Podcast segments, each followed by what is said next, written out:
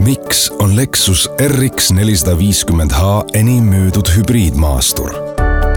võib-olla sellepärast, et varustus, mis tuleb teistel kalli raha eest lisaks osta, on meil standardis. võib-olla on see väike kütusekulu ja madal CO2 emissioon. võib-olla on see meelirahustav vaikus, kui auto liigub puhtalt elektri jõul. ega enne ei tea, kui ise ei proovi. RX nelisada viiskümmend H ootab sind proovisõidule Lexus Tallinna esinduses Kuku Raadios välja öeldud seisukohad ei pea ühtima Kuku Raadio seisukohtadega. Te kuulate Kuku Raadiot.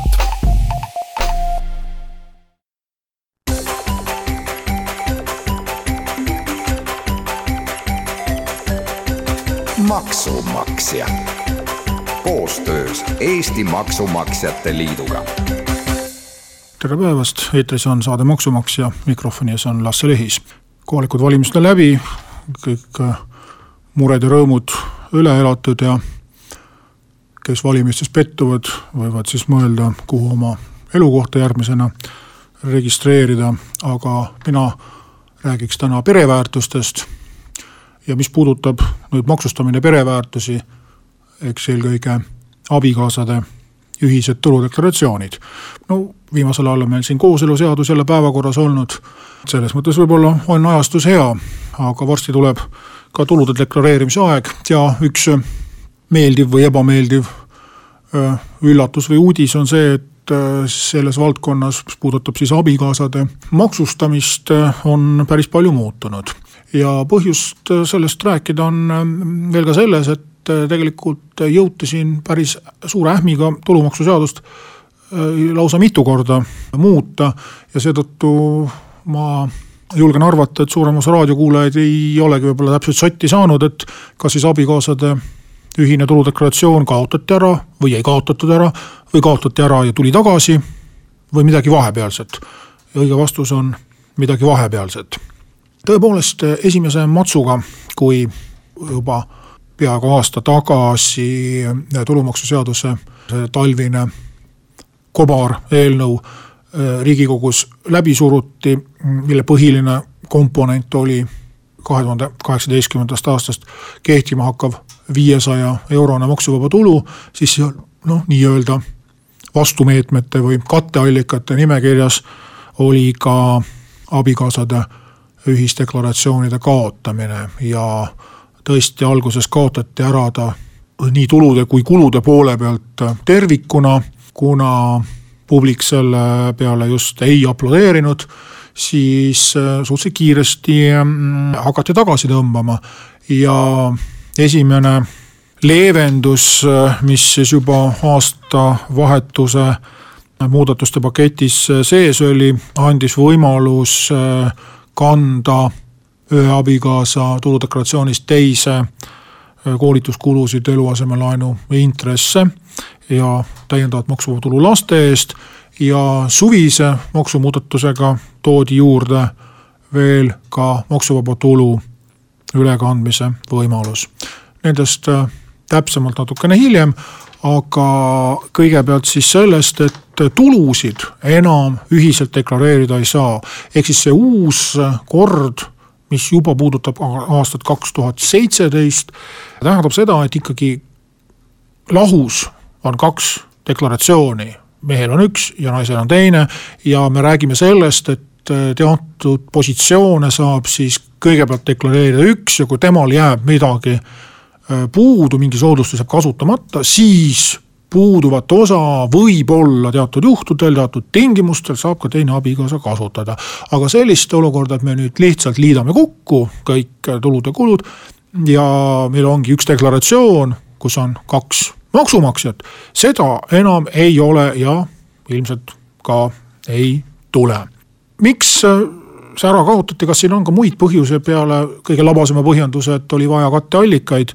no püüti siin diskussiooni käigus välja tuua see, et, et soodustada justkui kiiremat tööle minekut, et tõesti tulude ühine deklareerimine, eriti rikastes Lääne-Euroopa riikides, kus on astmeline tulumaks, soodustab lapsega kodus olemist, ehk siis see abikaasa, no tavaliselt kipub sellest ikka ema olema, on see, kes mitu aastat tööl ei käi, tema sissetulek on null ja ühine tuludeklaratsioon sisuliselt võimaldab siis äh, isa sissetuleku jagada kahega ja kohaldada siis poole väiksema tulu suhtes kehtivaid maksumäärasid ja maksusoodustusi, sest on küll üks tuluteenija, aga on kaks, vähemalt täiskasvanud, kaks tulu kulutajat. aga see tuleneb omakorda kui jätta kõrvale see puht nii-öelda majanduslik pool, et kas soodustada lapsega kodus olemist või soodustada kiiret tööleminekut, sedasama saab ju ka eitavalt võtta, et riik takistab kodus olemist või vastupidi, riik takistab kiiret tööle minemist. alati saab asjale läheneda erinevalt, siis äh, üks asi on pereväärtused ja teine asi on äh, perekonnaseaduse loogika. ehk siis perekonnaseadus näeb ette ju abikaasadele teatud kohustused, kohustused üksteist äh, majanduslikult toetada. kuni selleni välja, et ka näiteks abielus olevad isikud ilma abielu lahutamata võiksid teatud tingimustel üksteise vastu kohtusse hagisid esitada ja ülalpidamist nõuda, kui nad äh, üksinda hakkama ei saa, noh, need on ekstreemsed juhtumid, aga seadus on äh, sellega arvestanud. ja loogika ongi siis selles, et kui seadus näeb ette sisuliselt nagu ühe leibkonna, et siis tulusid ja kulusid tuleb omavahel jagada. et siis äh, maksustamisel me lihtsalt aktsepteerime seda teise seaduse poolt ette kirjutatud vararežiimi ja ütleme, et kui nad on nii-öelda leivad ühte kappi pannud, nagu öeldakse, siis äh, me ka maksustame neid kui ühte maksumaksjat, aga nüüd tuleb välja, et, et ei pea alati asjadest niimoodi aru saama ja, ja ametnikud leidsid õigusluseks ka näiteid teistest riikidest, et tõepoolest on ka ei ole Eesti sugugi esimene ega viimane riik maailmas, kus abikaasade ühisdeklaratsioonid ära kaotatakse. aga see tähendab, et tulusid me enam ei saa liita ja see võib tuua praktikas kaasa mõningaid arusaamatusi. loomulikult, kui käiakse tööl, siis me ju teame, mis on mehe tulud ja mis on naise tulud, et äh, nad oma palka ilmselt nagu vastastikku üksteise kontodele ei kanna. või mingid muud äh, hüvitised, mis on nimeliselt äh, deklareeritud, need ka vastavalt siis maanduvad ühe või teise inimese tuludeklaratsiooni. aga kui müüakse vara, mis on abikaasade ühisvara, olgu see siis maa või mets või maja või väärtpaberid, kus siis tehakse tehing ja antakse siis kas ühe või teise abikaasa konto kumma tuludeklaratsiooni me sellele nüüd paneme, kas me teeme pooleks või vaatame, kelle kontole on kantud või äkki ka see pangakonto võib olla ühine, võib olla ühisvara, võib-olla ei kantagi pangakontole, võib-olla läheb hoopis pangalaenu katteks, võib-olla müüakse üks maja ja makstakse see raha järgmise maja müüjale ostuhinnaks. et ilmselt peame me lähtuma sellest, et kui on ühisvara müüdud, siis abikaasadel on õigus see pooleks oma deklaratsioonide vahel jagada kuna ka saadud raha on ühisvara. samas, kui nüüd mõned paarid jälle leiavad, et eh, kuna nüüd ühel poolel võib-olla ei ole mahaarvamisi teha, teisel on neid rohkem. et eh, kui nad lepivad omavahel kokku mingi teistsuguse jaotuse ja niimoodi ka deklareerivad, siis eh, ma kaldun arvama, et maksuamet on sunnitud seda aktsepteerima. aga selleks, et oma kokkuleppeid ja valikuid teha, peab loomulikult kõigepealt olema kursis sellega, et seadus on muutunud ja et nüüd selline võimalus või vajadus on äh, tekkinud. ja noh, üks äh, nüanss, mida siin võib veel mainida, et äh, palju kirutud või, või kiidetud kooseluseadus ühe rakendussättena tegelikult nägi ju ette ka seda, et kooselupaaridele tuleb laiendada tulumaksusoodustust. nüüd justkui see teema on päevakorrast maas, kuna nagunii soodustust enam ei anta, siis tegelikult asi nii lihtne ei ole, sellepärast et kohe me näeme, et teatud ulatuses soodustused küll kulude ülekandmise kaudu säilivad, siis paraku ilmselt säilib ka see soov ja huvi, et kooseluseaduse alusel registreeritud paarid samaväärselt neid õigusi saaksid kasutada. aga millised need õigused on, sellest kohe pärast väikest pausi.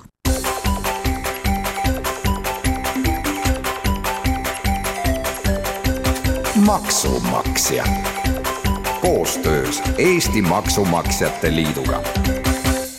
saade Maksumaksja jätkab jutuks abikaasade ühine tuludeklaratsioon, mida siis enam sellisel kujul ei ole, aga mis on selle asemel, selle asemel on siis teatud ulatuses võimalik ühelt abikaasalt teisele üle kanda maksusoodustusi, ehk siis tulud deklareeritakse ja tükeldatakse abikaasade vahel ära kui lihtne või keeruline see ka ei oleks, siis esimeses järjekorras kõik abikaasad arvavad maha need kulud, mis neil on tehtud. jällegi me, kui meil on siin kodulaenud või koolituskulud, siis äh, tavaliselt on need nimelised, ehk siis äh, pangad, kindlustusseltsid, äh, õppeasutused on konkreetse nime ja isikukoodi maksuametile edastanud, mille järgi siis maanduvad need andmed kas mehe või naise tuludeklaratsioonis. nii et esimene asi, mida peakski vaatama, on see, et kui tulud jagunevad ebavõrdselt, siis äh, tuleks ka need kulud ringi sättida, ehk siis kui ühises deklaratsioonis ei olnud mingit probleemi, et mees sai ainult palka ja naine maksis näiteks äh, lasteaiatasusid, siis nüüd kõige lihtsam variant, et äh, vältida seda nii-öelda ümberkandmist ühest deklaratsioonist oleks see, kui see tõend lasteaiast maksuametisse laekukski juba siis mitte naise, vaid mehe andmetega, siis on edasine protseduur oluliselt lihtsam. kui seda aga ei ole tehtud, siis äh, mida äh, seadus meile ütleb? kõigepealt siis äh, kulude mahaarvamine viidatakse tulumaksuseaduse paragrahvidele kakskümmend viis ja kakskümmend kuus, need on siis kodulaenu intressid ja koolituskulud. noh, lasteaiast ülikoolini siis kohatasud, huviala koolitused, kõrgkooli õppemaksud, kui neid on ja muu sarnane. kõigepealt siis deklareerib see, kes need kulud tegi kui tema sissetulek saab sellega ära kaetud või ületatakse piirmäärasid, näiteks eluasemelaenu intresside puhul ei olegi edaspidi küsimus niivõrd selles, et kas tulusid on või mitte, kuna eluasemelaenu intresse saab nüüd maha arvata ainult kolmsada eurot aastas. ja kui on näiteks ainult üks abikaasa oma kontolt neid makseid teinud, siis ongi nii, et kolmsada, esimesed kolmsada eurot lähevad siis tema deklaratsiooni järgmised kolmsada eurot lähevad siis teise abikaasa deklaratsiooni ja mis üle jääb, jääb üldse maha arvamata. et see on üks variant, teine variant on siis see, et äh, abikaasal sissetulek täiesti puudub või äh, saab see sissetulek ära äh, kaetud näiteks maksuvaba tuluga, mis on ju uuel aastal viissada eurot. aga järgmisena tekib võimalus siis üle kanda laste eest mahaarvatavat maksuvaba tulu ja siin tuleb tegelikult üks äh, täiendav soodustus võrreldes varasema seadusega, nimelt äh, kuna nimelt varem võis maha arvata ainult oma laste eest, ehk siis lapsevanem oma lapse eest, mida ta ka ise kasvatas, siis uus seadus võimaldab arvesse võtta ka teise abikaasa lapsi eelmistest abieludest või kooseludest, ehk siis tekib võimalus, et äh, isa saab näiteks teha mahaarvamise siis mitte oma lapse eest, vaid oma abikaasa lapse eest, mis on siis teise, teise mehega saadud teisest küljest tekib piirang, nimelt äh, varem tuludeklaratsioonide esitamisel ühisdeklaratsioonide puhul ei olnud äh, mingit vahet, kas on ühisvara või lahusvara. et ka abikaasad saavad kokku leppida vara lahususes seda küll ilmselt paljud ei tee, aga nüüd uue seaduse kontekstis tuleb arvestada, et neid koolituskulusid ja eluasemelaenu intresse saab ühelt abikaasalt teisele üle kanda ainult siis, kui on valitud varaühisus ehk ühisvara ja seda kontrollitakse abieluvara registrist. üle ei saa kanda ühelt abikaasalt teisele annetusi neid peab siis igaüks ise tegema. ja kolmanda samba sissemakseid, mis on personaalselt isikuga seotud ja neid teise abikaasa eest teha ei saa.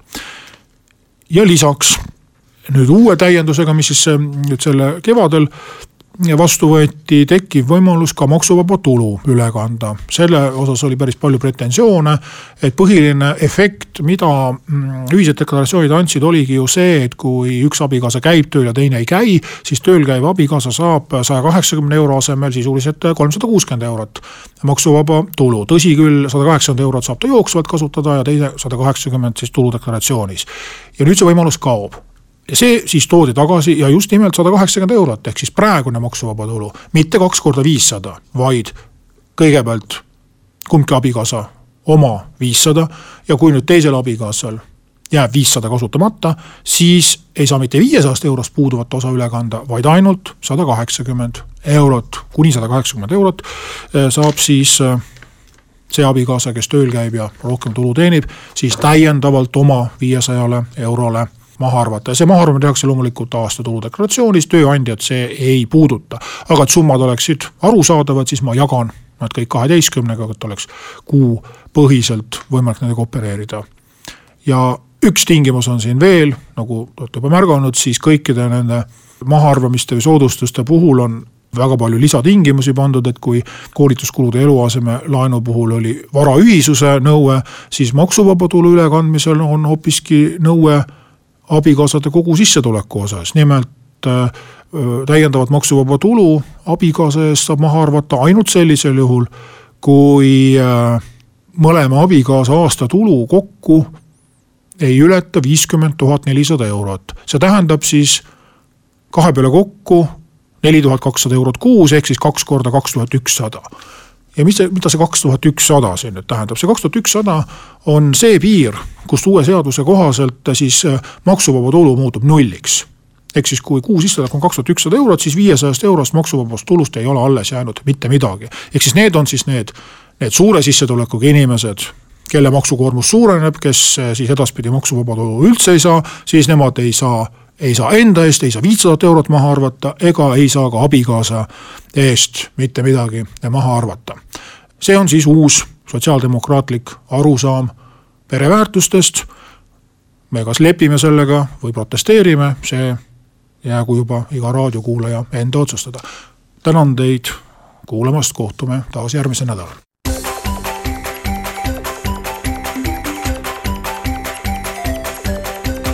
Maksumaksja. Koostöös Eesti Maksumaksjate Liiduga